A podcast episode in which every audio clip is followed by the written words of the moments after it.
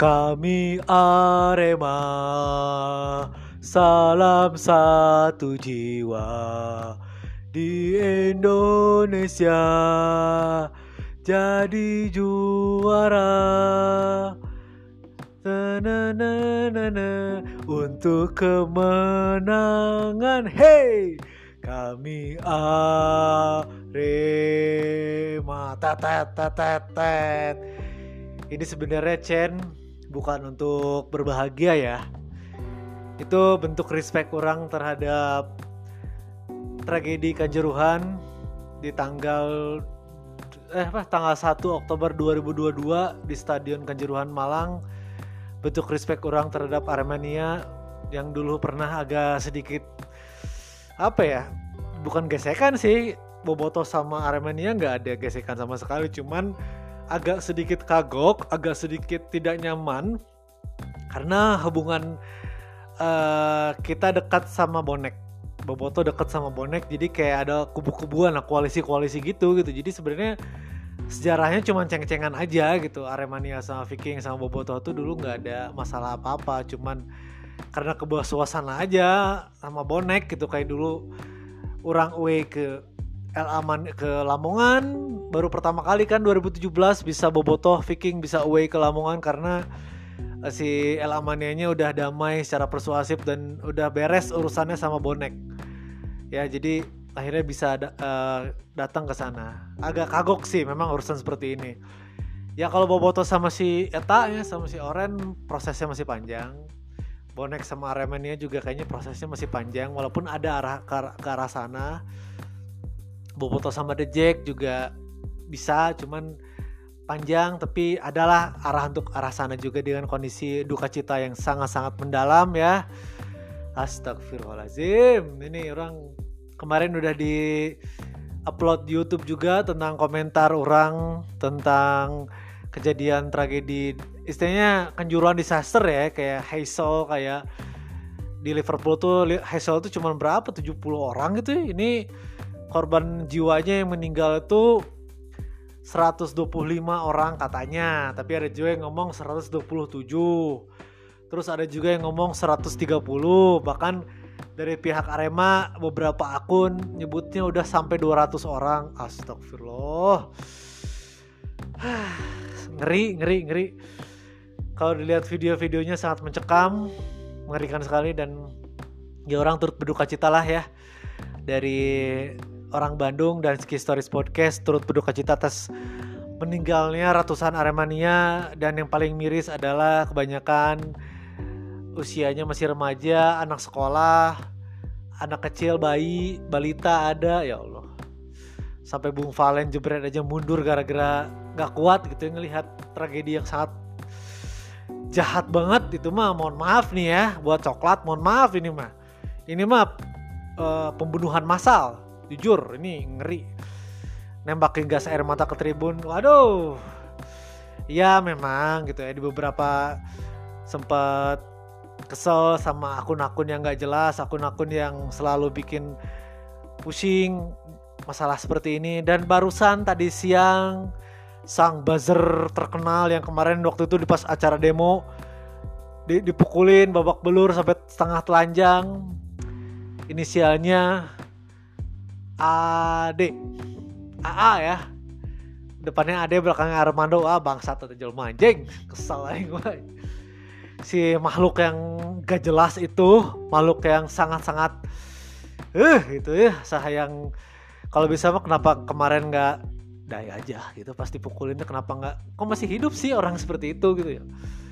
Bikin gaduh lagi di medsos bikin uh, bahwa apa ya udah mau politik rame, urusan agama rame, ternyata dia yang ikut campur urusan supporter sepak bola yang mungkin dia nggak ngerti karakter supporter sepak bola Indonesia tuh kayak gimana gitu. Dibilang ya polisi setelah menjalankan tugasnya dengan baik ya biasalah penjilat-penjilat bangsat kayak gitu mah memang udah nggak aneh sih institusinya dipuji-puji terus gitu. Jangankan untuk urusan supporter bro, urusan yang meninggal enam orang aja di Laskar FPI itu yang apa kilometer 50 aja bilangnya uh, itu sudah tugas polisi melakukan dengan benar itu kan teroris. Baru terduga teroris aja udah dibunuh gitu. Emang udah sakit nih negara. Terus apalagi yang bikin nyebelin dari dia tuh ya, pokoknya kalau urusan sama pernah menghina Al-Quran juga ajaran-ajaran Islam padahal dia Islam ah udahlah. Pokoknya seolah-olah ya Armania terlalu sok jago. Oke okay, ini uniknya ya. Anehnya sekarang-sekarang ini tuh kayak bonek, The Jack, Arema, Viking, Boboto semua ada di belakang Aremania dan Aremanita semua ada di belakang korban. Kalau dulu orang juga termasuk yang menghujat Arema loh ya. Zaman dulu belum ada Bobotoh datang ke Kajuruhan kemarin uh, sama Frontline Boys ya Viking Frontline. Orangnya termasuk yang menghujat Aremania waktu 2018 gitu yang turun ke lapangan telanjang terus coach Mario Gomez kena lemparan uh, batu dan sampai berdarah gitu. Oh, Bobotoh marah banget saat itu. Dan itu tuh titik di mana ini sebenarnya si Malang ngajakin musuhan atau gimana gitu. Mulai panas hubungan set. Akhirnya ya kemarin sejarah sih 2022 bulan apa ya? September gitu Agustus ya ada 500 orang bobotoh yang alhamdulillah aman. Kita jujur ya orang sendiri termasuk yang ngemuji kinerja aparat dari Malang loh. Polrestabes Kapolda Jatim mengizinkan bobotoh yang asalnya cuman itunya seribu bobotoh terus dikurangi jadi 500 ya nggak apa-apa. Tapi alhamdulillah aman ya gesekan kecil mah ya biasa lah gitu di tribun mah. Eh nggak di tribun pas di luar gitu ada katanya ada lemparan kecil-kecilan lah gitu anak-anak kecil biasa oknum-oknum nggak jelas itu mah udah udah udah nggak aneh lah nah memuji memuji memuji wah hebat ya waktu pas match sebelum Persi Persija kenapa orang sempat mikir Kenapa Kapolda Jabar dan Polrestabes Bandung tidak berani seperti Kapolda Malang, eh Polrestabes Malang gitu. Minimal ya rivalitas sih rivalitas ya sama Persija, tapi orang yang udahlah gitu nggak usah lagi ada larang-larangan. Jangan sampai ada kematian lagi di tribun gitu ya. Ya udah, The Jack datang ke sini dengan pengamanan yang lima kali lipat, 10 kali lipat lebih ekstra. Kita nanti mungkin bobotoh di tahun depan bisa ke GBK atau JIS atau ke mana Patriot dan sebagainya lah.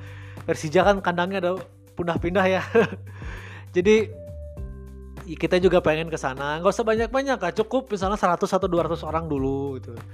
Di, diamankan uh, sedemikian rupa supaya tidak ter apa ya tersentuh sama oknum-oknum boboto begitu juga kita kalau misalnya ke sana jangan sampai tersentuh dengan oknum-oknum supporter Persija gitu karena sejatinya rivalitas itu bukan hanya di lapangan 90 menit sih. Bisa rivalitas di luar lapangan juga bisa tapi dengan akal sehat, Bro. Tapi dengan cara yang benar gitu. Kalau misalnya ngelihat rivalitas uh, Glasgow Rangers sama Glasgow Celtic yang di di Skandinavia ya, di daerah Irlandia gitu ya, liga apa itu ya. Itu mereka diperbolehkan buat nonton bersama, nonton di satu tribun. Chaos iya, mereka ada kata-kata kasar iya. Ngata-ngatain iya. Lempar-lemparan iya. Rusuh dikit iya. Tapi apa kuncinya? Keamanan. Mereka bisa yakin rusuh juga tidak akan tidak akan ada korban jiwa karena dilindungi sama pihak aparat atau pihak keamanan. Sedangkan tanggal satu kemarin itu kayak dilepas. Terlalu jahat terlalu membiarkan. Oke banyak yang bilang uh, kejadian kemarin kan gara-gara supporter bola turun ke lapangan uh, awal mulanya iya memang itu kan Bobotoh juga pernah ngelakuin itu bro. Bonek juga kemarin minggu kemarin ngelakuin itu di Sidoarjo. Peace Invasion. Turun ke lapangan marah-marah ke manajemen ke pelatih ke pemain. Beringas ngebakar-bakar iklan papan iklan. Uh, stadion emang agak rusak uh, agak hancur saat itu. Tapi kalau urusannya hancur atau rusak stadion bisa dibenerin.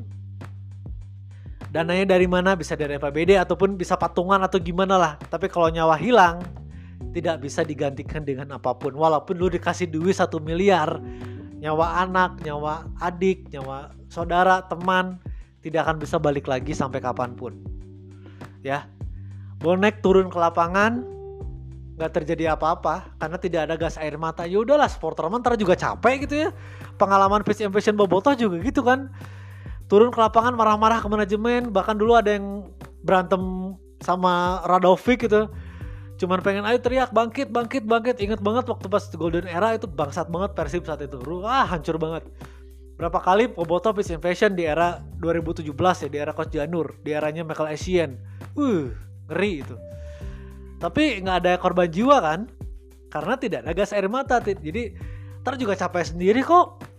Kalau misalnya kekesalannya udah reda kekesalannya udah turun emosinya udah selesai gitu. Paling cuma di diambil aja disergap atau gimana udah gitu. Itu kan ada panpelnya juga bukan hanya aparat. Steward juga fungsinya untuk mengamankan itu bukan untuk steward steward ataupun pengaman tribun itu bukan hanya nonton ke area stad penonton. Eh ke area tribun. Kalau di luar negeri tuh ke area penonton tapi kalau di sini ke area kadang-kadang lihat luak lihat atau kadang-kadang lihat lihat belakang. Eh udah berapa berapa nih skornya gitu. Tapi kalau di luar negeri mah fokus mandangin penonton tatap mata kami untuk menjaga gitu. Steward uh, steward aduh ya. Steward stewardnya menjaga ketat aparatnya menjaga ketat insya Allah tidak akan terjadi apa-apa. Kalaupun chaos bisa diminimalisir lempar-lemparan cacian makian bisa diminimalisir luapkan emosi sedahsyat-dahsyatnya kalau di tribun kalau di stadion ya memang tujuannya buat itu kan. Selain buat mendukung kesayangan kadang-kadang ada hal-hal pribadi yang dibawa ke arah di area tribun ya bebaskan tribun mah tanpa batasan stadion bola mah cuman memang controlling dirinya kalau misalnya ada kondisinya agak-agak tersadar gara-gara alkohol ya harus dikontrol harus teman-temannya harus menjaga lah. Ya jadi sangat menyesakan ya kejadian lagi yang awalnya ditakutkan Persib Persija takut ada korban jiwa lagi eh ternyata hari Sab eh hari apa itu? Hari Sabtu ya hari Sabtunya Hamin satunya lah yang yang kejadian menyakitkan itu untuk seluruh sepak bola Indonesia bahkan dunia gitu. 125 orang dan berapa gitu total itu ya. Korban lukanya banyak banyak kan ada perempuan juga. Ya Allah itu nggak tega eh liatnya beneran. Ada gas gas air mata yang kelempar ke tribun. Itu sangat jahat sekali. Orang lihat videonya beberapa kali kelihatan polisi nembakin ke tribun gitu. Terus ada pecah di tribun nyebar. Terus ada juga gas air mata yang udah nyampe di titik tribun udah ngebul banget dan penonton panik. Panik masa itu adalah satu hal yang sangat sulit untuk diantisipasi sebenarnya. Tergantung pihak aparat dan pihak panpel. Karena rata-rata stadion di Indonesia itu pintunya kecil pintunya mungkin nggak kecil sih gede cuman rata-rata dibukanya cuma satu aja. Kayak di GBLA di SJH itu kalau pas pulang aja semua dibuka. Tapi pas masuk pintunya kecil dan cuma satu yang dibuka. Andaikan dibukanya dua itu lebih bisa masanya bisa langsung cair ke dalam gitu. Bahkan Old Trafford sekalipun orang pernah nonton kejadian ada youtuber ya youtuber fans MU ya yang nonton ke sana gitu ya. Itu pas dilihat pintunya kecil sebenarnya. Kelihatan aja Old Trafford gede tapi pintunya banyak. Kecil tapi banyak kalau nggak salah tuh ya ya orang nggak agak lupa lupa inget sih cuman ada exit plan. Jadi exit utamanya ada exit plannya ada. Jadi kayak tangga darurat lah gitu. Kalau nggak salah orang lihat di Old Trafford tuh kayak gitu. Di youtuber ya kalau salah ya maaf karena udah lama banget orang nonton itu. Nah sekarang kalau di Tribun Indonesia nggak ada. Apalagi Siluwangi ya. Waduh orang pernah ngalamin tuh di SJH Siliwangi kena gas air mata waktu Persija lawan Persija 2008 kena juga tapi nembakinnya emang keluar. Tapi kenanya ke tribun tapi nggak nembakin ke tribun. Sampai daerah apa itu yang Geraha Manggala Siliwangi itu masih sesak banget masih kerasa banget tenggorokan sakit. Dan kalau di Jalak itu parkiran yang deket sawah. Kalau dari pintu utama tuh belok ke orang parkirnya ke arah Cimahi jadi eh, langsung belok kiri jalan kaki gelap-gelapan ke macet-macetan. Itu masih ada efek gas air mata. Katanya sih chaos terus ditembakin di dekat parkiran. Makanya kenanya sampai ke jalan raya. Asapnya sama pengapnya seseknya itu loh sakit banget kalau kena gas air mata. Ini apa kabar? Orang mungkin aja ada orang yang Armania yang kemarin datang tuh baru pertama kali ataupun berapa kali lah karena big match kali dalam persebaya gitu. Jadi ya pengen nonton gitu. Bobot uh, supporter big match mah di setiap match juga di setiap klub juga pasti ada bobotoh big match. Di Aremania juga ada bonek juga kayaknya kalau lawan Persija atau lawan Arema lawan Persib juga pasti penuh gitu kan. Nggak salah itunya mah. Cuman memang apa saja gitu. Peace invasion mah baik lagi. Hampir di, di luar negeri pun ada tapi tidak dibenarkan. Memang itu aksi yang tidak dibenarkan. Cuman ada caranya menanggulangi masa gitu. jangan disemprot sampai eh, kalaupun mau disemprot sama Blankweir ataupun apa pun lah. Di di dihalang-halangi aja gitu. Jangan sampai kalau kalaupun terpaksa banget ya tembak ini di, ke ke lapang. Orang-orang yang orang-orang yang bisa lari-lari itu mereka bisa lari ke segala penjuru stadion gitu. Kalau di tribun kan nggak bisa. Sempit berdesak-desakan kejadian. Kayaknya banyak yang cerita di Twitter tuh sesak nafas pusing terus pingsan keinjek-injek. Nah itu kejadiannya gitu. Hampir mirip dengan GBLA tapi GBLA mah cuman alhamdulillah cuman dua tapi dua juga tetap nyawa itu ngeri juga gitu. Ini mah kalau GBLA masuknya kalau kanjuruhan itu pas keluar berdesak-desakan gimana caranya nyel menyelamatkan diri sendiri lah gitu. Dan itu sungguh sangat bikin apa ya heboh seantero dunia bahkan MU aja kemarin ya kalah ya tahu lah ya. Kalah 6-3 lah lawan City di Etihad. Tapi ada satu hal yang unik pemain MU sama City menggunakan pita hitam. Kirain buat apa? Eh ternyata buat kanjuruhan. Komentar dari Erik Ten Hag sama Pep Guardiola juga sedih. Di Liga Spanyol Liga Belanda itu ada silent minute buat korban kejadian di kanjuruhan Wayne Rooney nge-tweet, MU nge-tweet, Liverpool nge-tweet, Chelsea nge-tweet, Real Madrid nge-tweet, FIFA nge-tweet, Barcelona nge-tweet, gila ini. Indonesia, Indonesia. Terkenal juga akhirnya ya sepak bola, tapi dengan cara yang seperti ini. Bukan prestasi tapi malah musibah yang menyakitkan, korban jiwa banyak. Dan akhirnya Persib Persija ditunda. Lawan Kediri juga kayaknya ditunda kemungkinan karena dapat kabar lagi dua mingguan lagi baru bisa digelar liga. Kalau jadi ya katanya ditunda seminggu terus tiba-tiba berubah lagi menjadi ditunda dua minggu kita lihat. Pas episode ini tayang nggak tahu udah jalan lagi atau belum nih Liga Indonesia. Karena akan berefek panjang sih. Kalau mau berhenti berhenti sekalian cuman emang ya bukan tidak ada rasa kemanusiaan sih cuman ya gak usah munah lah gitu. Kadang sedih juga di saat ada orang yang meninggal. Tapi satu sisi juga orang pengen menikmati hiburan sepak bola. Apalagi Persib lagi punya pelatih bagus asisten pelatih bagus. Lagi progres buat ada peningkatan. Bulan ini kalau nggak ada apa-apa bisa dapat 9 poin sih. Tiga kali kemenangan Persik Persija misalnya lawan Dewa United gitu kan. Lawan Persis nanti rencana orang pengen OE juga nggak tahu ini jadi atau enggak masih 50-50 nih ada ada deg-degan. Ngeri lah gitu takut takut nggak jadi takut apakah diundur ke November. November juga November itu ada break kalau nggak salah.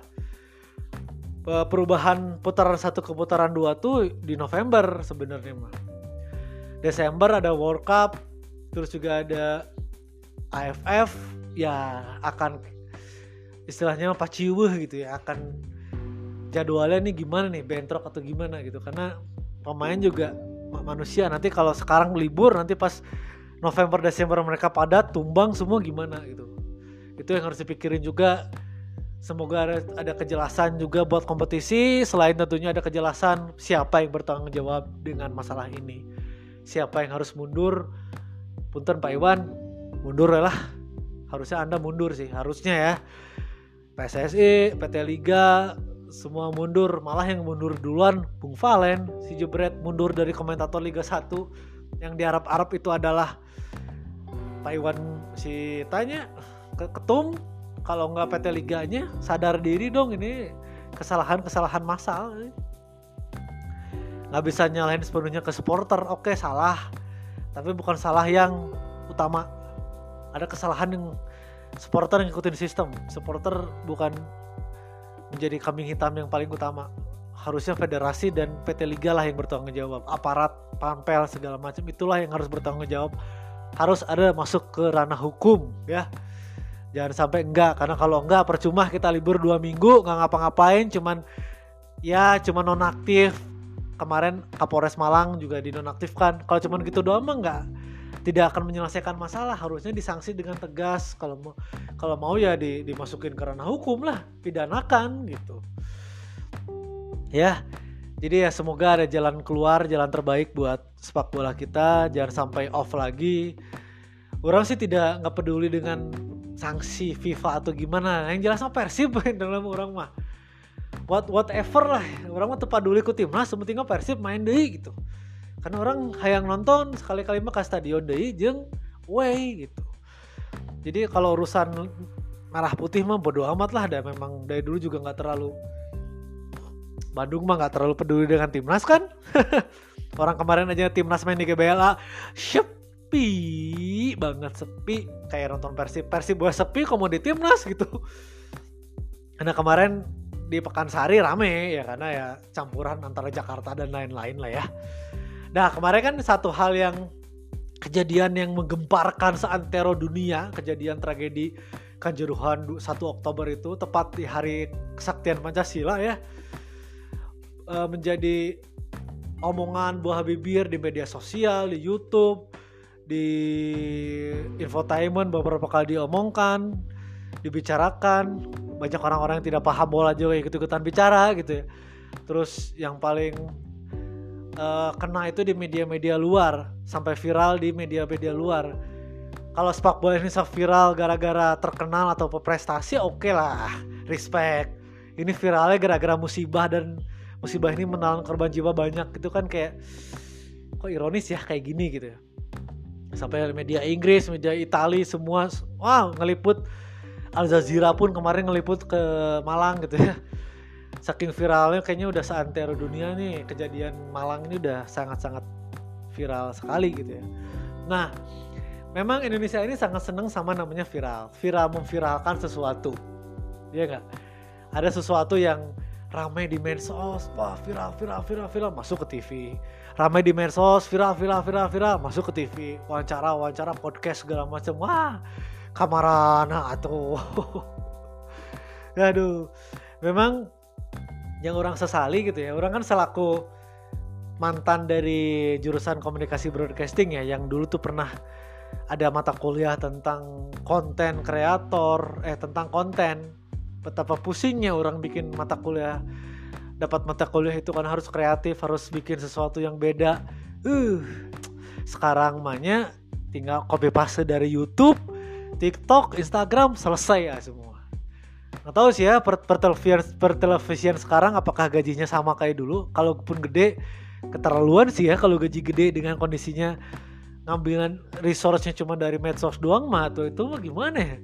Itu mah bukan kreatif itu mah tinggal nunggu jadi aja sebenarnya pak ya jadi yang orang sesali gitu ya mungkin kalau viral dan ini kan sebenarnya bersama ini viral Indonesia ini adalah viral negatif ya viral yang menyakitkan akhirnya bisa terkenal. Bahkan Wayne Rooney mantan kapten MU aja sampai nge-tweet. Sergio Ramos pun sampai nge-tweet. Wah sangat ya respect lah sama mereka. Cuman ya ironis memang. Tapi ya kejadian kayak gini emang udah bukan sekali dua kali bro. Masalah viral yang antik, masalah orang-orang yang tolol di media sosial tapi malah jadi followernya banyak, engagementnya tinggi, uh, apa oh, bukan orderan apa endorse-nya banyak. Ini gimana gitu? Dapat engagement tinggi dengan cara yang kotor, tapi malah dia terkenal dan dapat duit dari situ. Menurut orang ya harus diakuin ada pergeseran sih ya pergeseran treatment media terhadap viralnya sesuatu sekarang udah bergeser dibandingkan zaman orang dulu di era 2007-an. Kuliah 2007, selesai 2011. Berarti 2011 tuh masih agak masih transisi sih, belum belum terlalu aneh kayak sekarang media-media gitu ya. Banyak berita-berita hoax dan segala macam menurut orang ya agak sakit juga kalau diteruskan dinaikin-naikin gitu ya. Bahkan banyak orang yang rela bodoh juga orang yang udah terkenal banget orang yang udah punya nama besar punya engagement tinggi duit banyak dari YouTube konten dia juga bisa acting segala macam. Tahu nggak kemarin yang bikin kesel medsos lagi siapa? Mbak Imong sama si Paula itu. Paula tuh model terkenal loh cantik ikut-ikutan sengklek juga ya sama dia akhir-akhirnya mah gitu. Karena bikin konten kan kemarin lagi rame Lesti sama Bilar ya Rizky Bilar kan uh, KDRT terus makanya mau dilaporin udah bu bukan kayaknya udah udah dilaporin ke pihak kepolisian setempat gitu ya apakah cerai atau tidak ya nggak tahu gitu. Dan itu tuh kayak mungkin maksudnya kayak nyindir si Lesti sepertinya bahwa mau bikin konten apa? Konten prank atau konten prank pura-pura KDRT itu kan sebenarnya laporan palsu. Beneran dia bener-bener datang ke kantor polisi si Paulanya pakai kamera tersembunyi seolah-olah Mbak Ibo ngelakuin KDRT padahal tidak itu cuma konten doang. Is bullshit bro. Terus ngapain gitu ya? Mungkin kita sebagai rakyat dulu ngehina si siapa? Yang dulu tuh yang yang bikin prank-prankan nggak jelas terhadap waria itu yang di Bandung. Ferdi siapa? Sempat masuk penjara kayak gitu. Sebenarnya Mbak Imong juga harusnya bisa kayak gitu. Terlalu terlalu ah hanya demi uang tapi akal sehatnya digadaikan gitu. Itu banyak banget bro konten-konten kayak gitu sekarang nih. Nggak ngerti lah. Uh, dulu kan sempat rame si Ferdi yang ngain Waria. Oh kontennya prank-prankan seperti itu. Nah sebenarnya gini kalau Mbak Imong pinter konten prank itu harusnya bikin ketawa bukan bikin kayak konten ojol. Dia pakai seragam ojol ngasih duit. Oke kalau pengen ngasih duit ya langsung aja ngasih nggak usah pakai kamera gitu. Karena menurut orang itu bagian dari ria juga sombong dan orang seneng banget konten-konten kayak love apa yang diamat di di YouTube tuh ada konten prank tapi kontennya luar lucu gitu konten kayak spontan uhui gitu. Kayak love of love apa ya apa sih ya, yang pernah ada di TV juga. Jadi konten-konten jahil. Konten jahil konten-konten yang misalnya ada kaki buntung terus tiba-tiba dia uh, ada yang jatuh kaget orang-orang sekitar. Jadi re- kontennya tuh pranknya prank reaction. Prank reaction momen masyarakat umum gitu. Bukan prank pura-pura jadi apa pura-pura jadi ini jadi itu terus ujung-ujungnya ngasih duit. Nggak perlu. Ya orang tahu dibalik semua itu lah settingan. Maksudnya ada skripnya. Ada namanya juga media nggak mungkin full bersih dari skrip itu bullshit nggak mungkin. Setahu orang belajar dulu ya pasti ada lah. Walaupun sedikit ya gambaran kasarnya doang tapi balik lagi ada konsepnya nggak mungkin bersih. Dulu konten Baimong yang jadi orang gila itu lucu sebenarnya yang pakai setelan orang gila. Itu kan hanya untuk lucu-lucuan uh, apa ya melihat reaksi orang-orang kayak gimana. Itu yang bagus. Eh, respon masyarakat bagus positif. Akhirnya bikin bikin bikin bikin yang aneh-aneh lagi. Dan di TV pernah ada yang bikin si Mbak Imung pakai seragam ojol gitu. Ojol yang pakai yang hijau itu. Di RCTI kalau nggak salah. Uh, bagi-bagi duit maksudnya apa pun lah kalau misalnya pengen bagi-bagi duit ya nggak usah pakai kamera tuh. Kalau misalnya kayak Raffi Ahmad juga nggak terlalu gitu-gitu amat ya sebenarnya. Raffi Ahmad lebih konten presenter sih. Kalau Mbak Imo kan lebih konten prank kayak gitu konten yang jahil. Ya ya udah over sih. Dia tuh pinter Paula pinter Mbak Imong pinter acting juga di sinetron bagus. Otaknya jadi ke bawah belok gara-gara konten mungkin aja ngelihat ya di TikTok aja banyak yang terkenal orang-orang yang gak jelas ayo bisa terkenal dengan cepat kok masa ya gue udah punya nama harus terkenal dengan lama, lama juga ya. Mungkin mikirnya kayak gitu gitu orang yang bukan artis eh terkenalnya cepet masa artis nggak bisa terkenal lebih lebih dahsyat lagi? Dan itu juga nggak tahu sih Mbak Imong dilaporin atau enggak sama pihak atau harusnya itu kan masuk ranah pidana sih ada apa? Ada laporan palsu gitu ya. KDRT palsu menurut orang harus ada tindakan yang tegas juga dari aparat. Soalnya itu udah macam menekan nama baik juga gitu. Maksudnya apa yang kayak gitu-gitu? Nyindir-nyindir siapa gitu? Nggak lucu tahu kayak gitu teh. Aneh ya memang.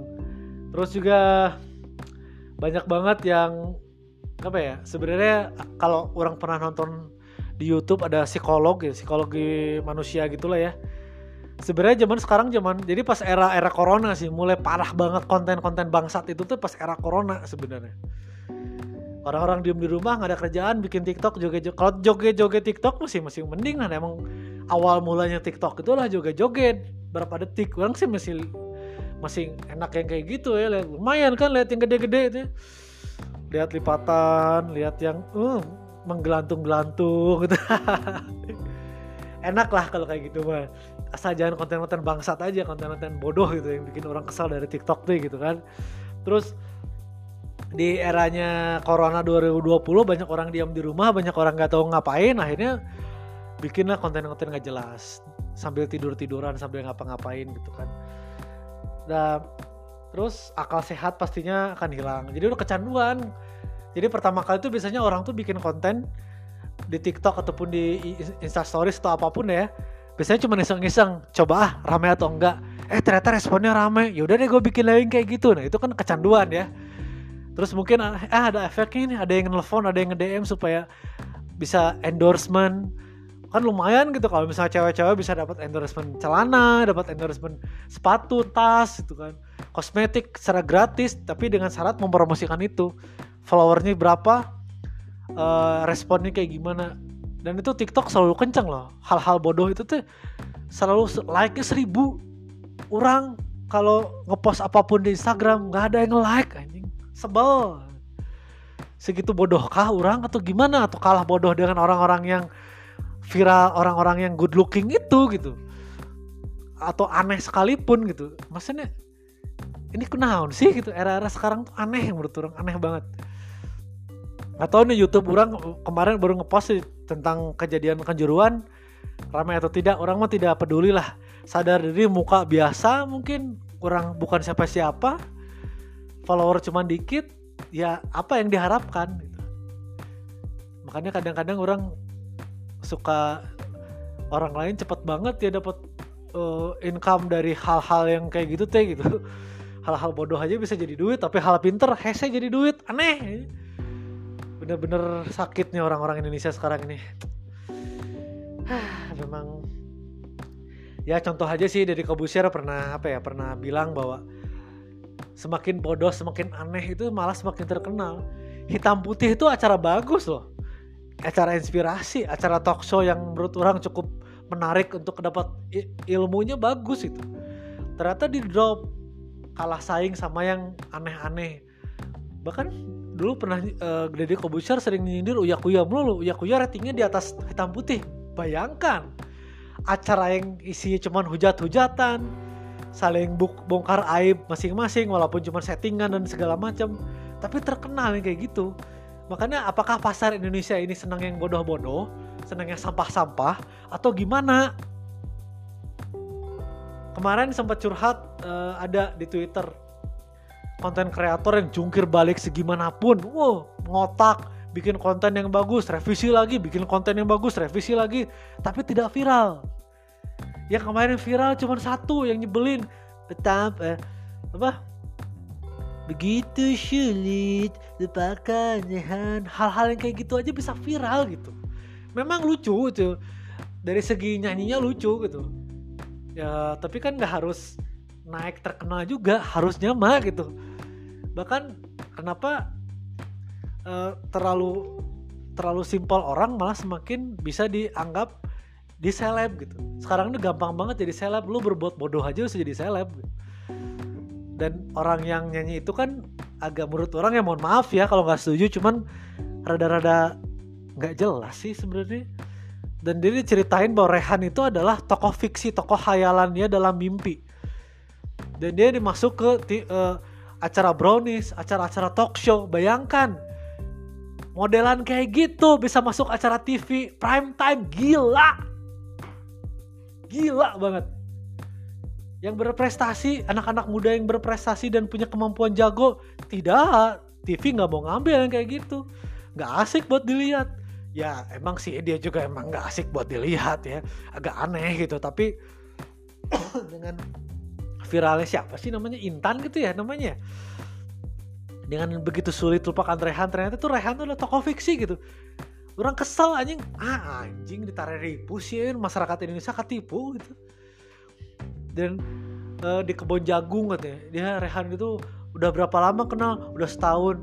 Ada di dalam mimpi. Ah Rehan itu adalah tokoh fiksi dalam tokoh fiksi cina? Kan ada di podcast. Iya emang iya dalam mimpi aku tapi itu nyata cina. tokoh di dalam mimpi tapi nyata nyata mimpi. Ah, ah bingung lah. Kalimatnya emang kalimat yang tidak saya bisa cerna dengan orang yang akal sehat sih. TikTok rame yang kayak gitu. Terkenal kan gara TikTok juga gitu.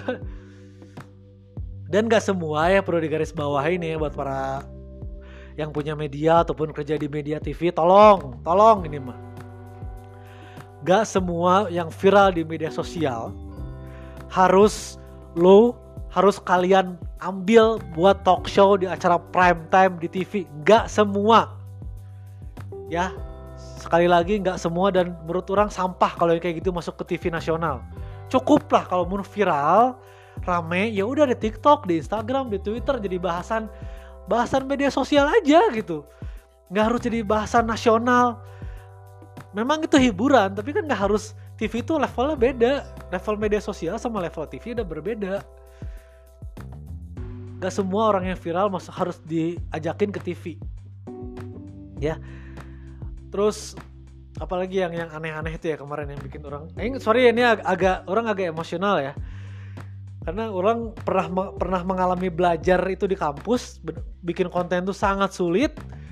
Apalagi orang selalu mengkritisi TV nasional saat itu. Kerjaannya cuma mengkritisi acara-acara TV sekarang sih kayaknya kalau lulusan broadcasting komunikasi ataupun apa pun itu Vcom ya gampang banget eh untuk untuk nyinyir untuk kritisi program-program TV banyak yang aneh-aneh gitu. Aldi Taher aja yang sangat aneh aja sekarang jadi masuk program TV di weekend.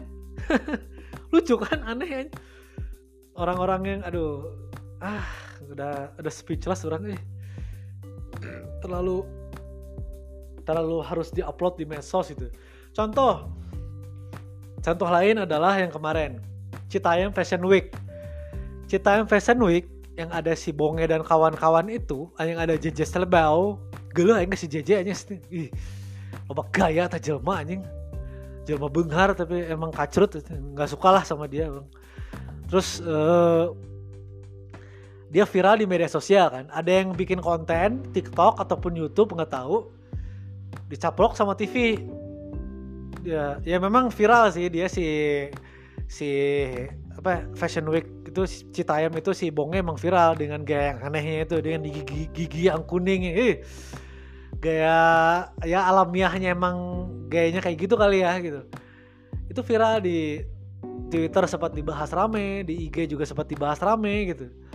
Ya udah cukup harusnya selesai hanya dibahas di media sosial.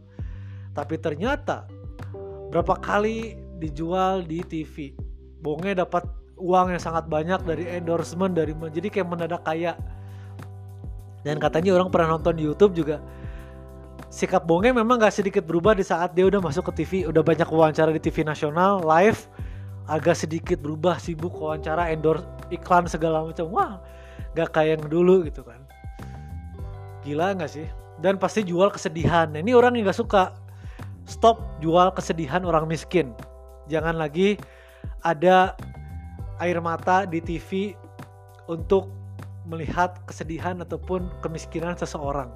Oke mungkin dia dibayar gede di TV bintang tamu tuh kalau nggak salah hampir berapa juta di atas di atas 2 juta deh kalau nggak salah dapat fee-nya tuh berapa gitu.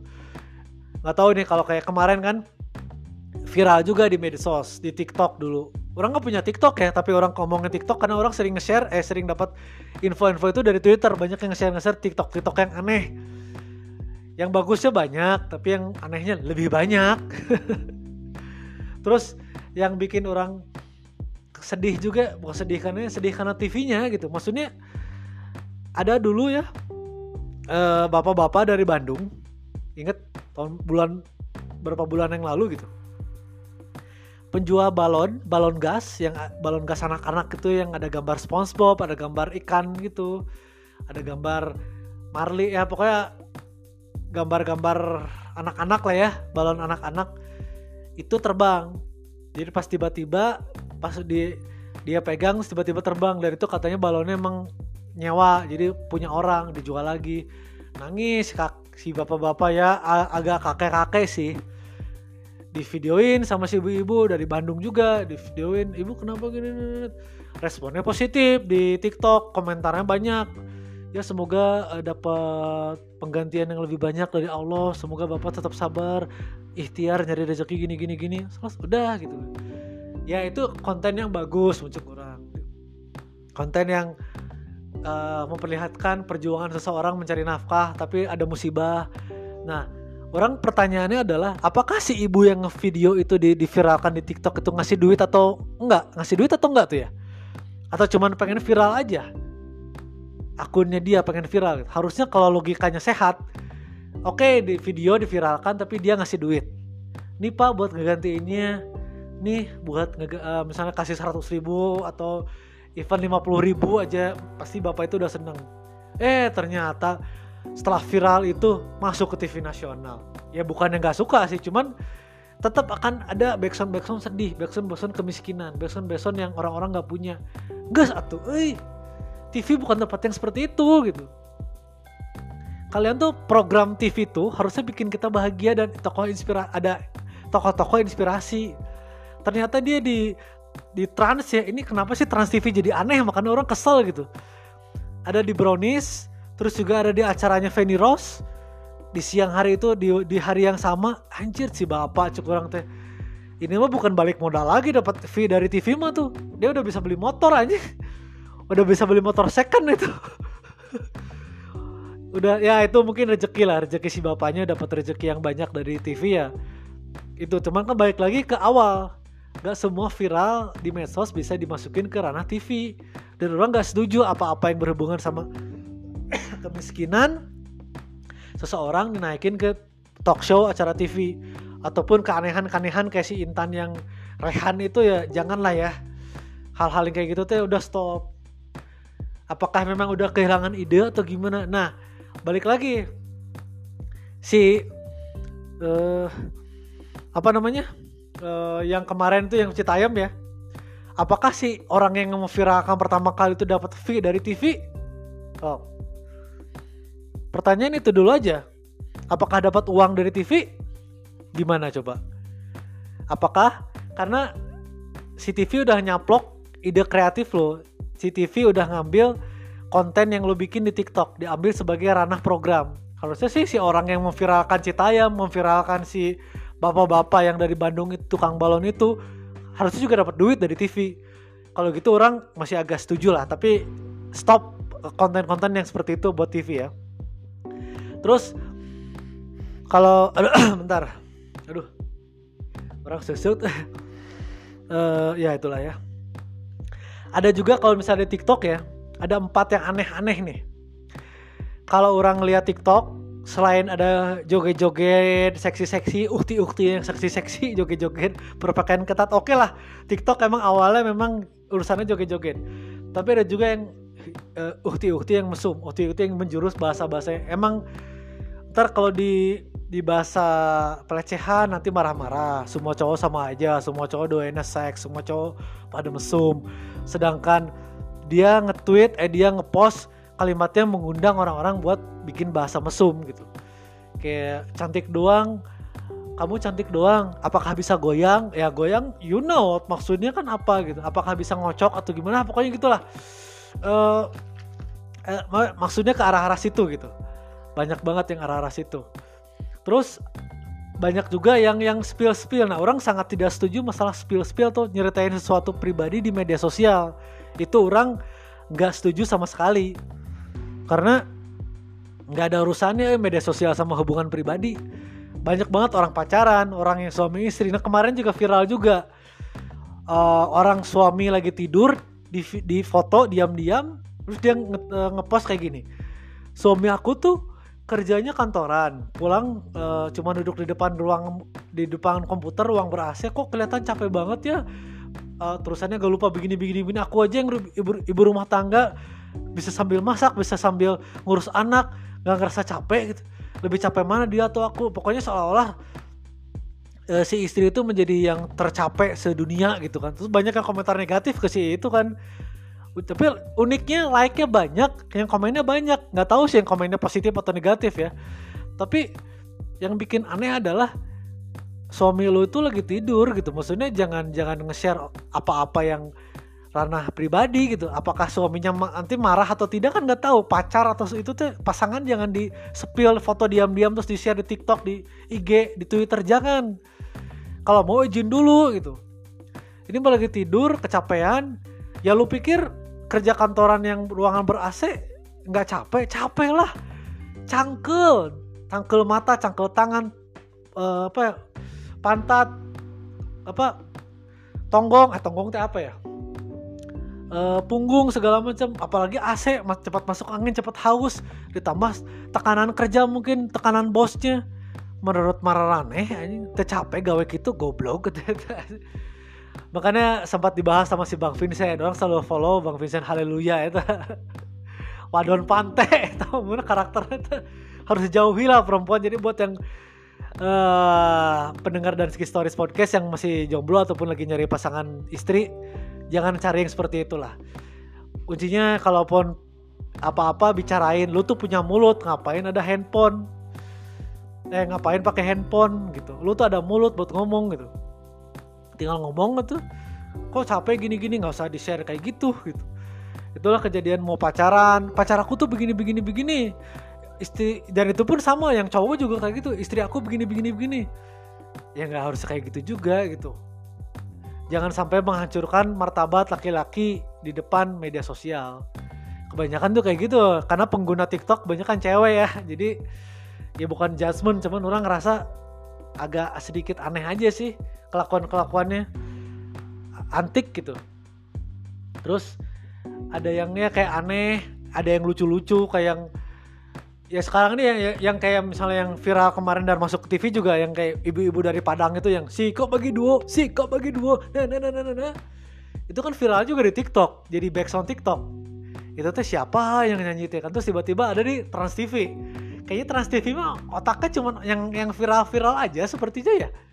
Yang viral-viral di medsos diambil ke acara sana di program dibikin dibikin acara talk show. Ya ya kalau itu mah karena bagus kan suaranya memang bagus.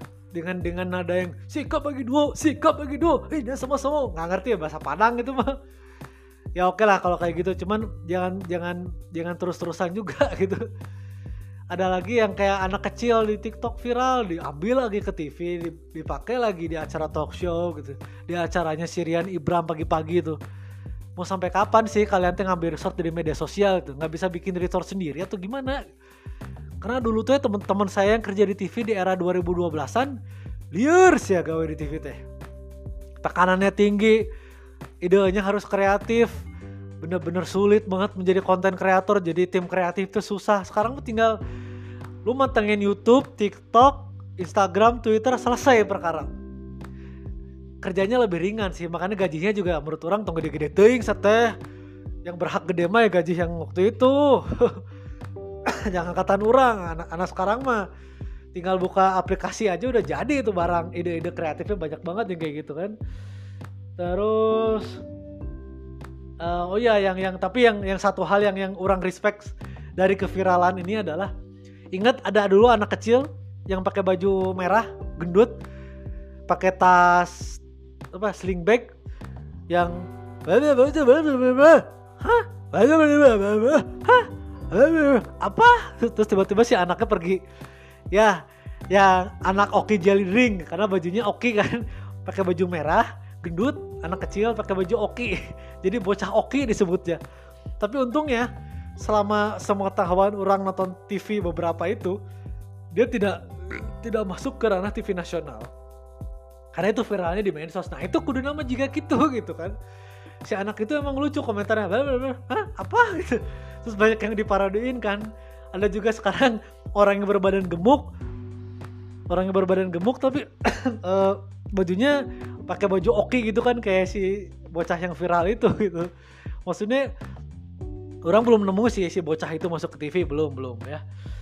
Ya selalu aja hal ada hal-hal yang antik selalu aja hal-hal yang menurut orang ada sisi positif ada sisi negatifnya sih. Kalau kamu punya media sosial punya TikTok punya Instagram Instagram Insta Stories YouTube segala macam. Tapi ingat bikin viral itu viral yang berkualitas. Kayak kemarin iya bodor pisan sih. Ini juga gara-gara video berarti sebenarnya masyarakat Indonesia emang gampang kepengaruh ya? Berarti emang ketakar gitu. Oh pola pikirnya emang gampang ke pengaruh dan gampang ke hasut ternyata itu. Video Aldiano kan kemarin ada di Deddy Kabusier tuh di podcastnya. Terus ya orang tahu dia tuh sarkas. Sarkas filmnya Aldi Tahir yang nggak jelas itu durasi satu setengah jam dia sendiri yang ngeplot di YouTube si Aldi Taher dia sendiri yang edit dia sendiri yang jadi sutradara.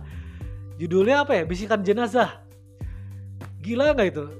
Wah ini film bagus bagus begini begini begini begini kata kata si Vidi Aldiano. Terus banyak yang di komen di YouTube-nya si PH-nya itu. Gue apakah yang gara-gara fokusnya di Kebuser dan Vidi Aldiano gue ke sini gitu. Bangsat katanya yo Aldiano nipu sini. Ngapain nyeranin film kayak gini di Twitter rame lagi gitu. Kan udah tahu tuh bahasanya bahasa sarkas. Orang-orang Indonesia tuh kadang gak ngerti bahasa yang serius gak ngerti bahasa yang sarkas. Dan orang nilai adalah netizen Indonesia gampang kehasut. Nah itu masalahnya. Gampang dibodohi gampang kehasut. Kayaknya kalau video dia nyuruh eh lu makan kodok mentah dong. Kodok mentah enak tahu bergizi buat kesehatan. Kayaknya orang yakin seluruh orang yang nonton podcast dari Kebuser yang ada episode video Aldiano kayaknya bakal makan kodok mentah kayaknya atau eh makan ini dong uh, ular ular hidup dimakan oh lama-lama dimakan juga kalau video Aldiano nyuruh nonton film bokep kayaknya orang yakin masyarakat netizen Indonesia juga bakal nonton film bokep tuh. ya, jadi kan gampang kehasut ya. Memang secara pembawaannya Vildi Aldiano itu bagus, ceria gitu. Emang emang kayak gitu karakternya gitu. Tapi si Deddy Kabuser aja bingung. Emang sebagus apa gitu. Dalam tanda kutip ya bagusnya. Kan itu tuh sebenarnya sarkas. Dan kemarin di podcast BGST Info BDG juga bikin episode spesial tentang tentang bisikan jenazah. Orang udah nonton sih, udah nonton full. Ya dua kali adalah dua dua setengah lah. Dua dua kalinya nonton full, satu kalinya setengah karena hoream. Karena penasaran aja gitu pas nonton full lagi tuh pas lagi viral. Tapi pada saat awal-awal, loh kok udah ada di YouTube? Nah orang nonton. Astagfirullahaladzim. Benar-benar sabar.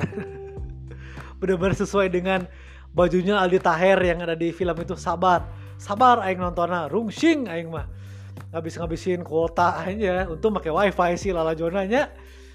Tapi viewernya juga jadi berapa ya? Jadi jutaan deh subscribe-nya jadi naik. Jutaannya juga jadi hampir dulu tuh yang nonton tuh cuman di bawah 500 orang. 500 orangan tuh kurang lah. Sekarang udah sejuta. Sejuta lebih 2 juta. Gila. Gara-gara viral memang membuat hal yang yang tidak masuk akal jadi kelihatan nyata itu aduh. Mana mungkin sih Aldi Taher bisa bikin film yang normalnya gitu ya? Kalau misalnya lu bikin film gak akan mungkin dibikin bajakan di YouTube secara gratis. Kalaupun pengen bikin nonton secara OTT atau online Netflix lah Disney Hotstar Disney Hotstar lah berbayar memang langganan. Ini mah free.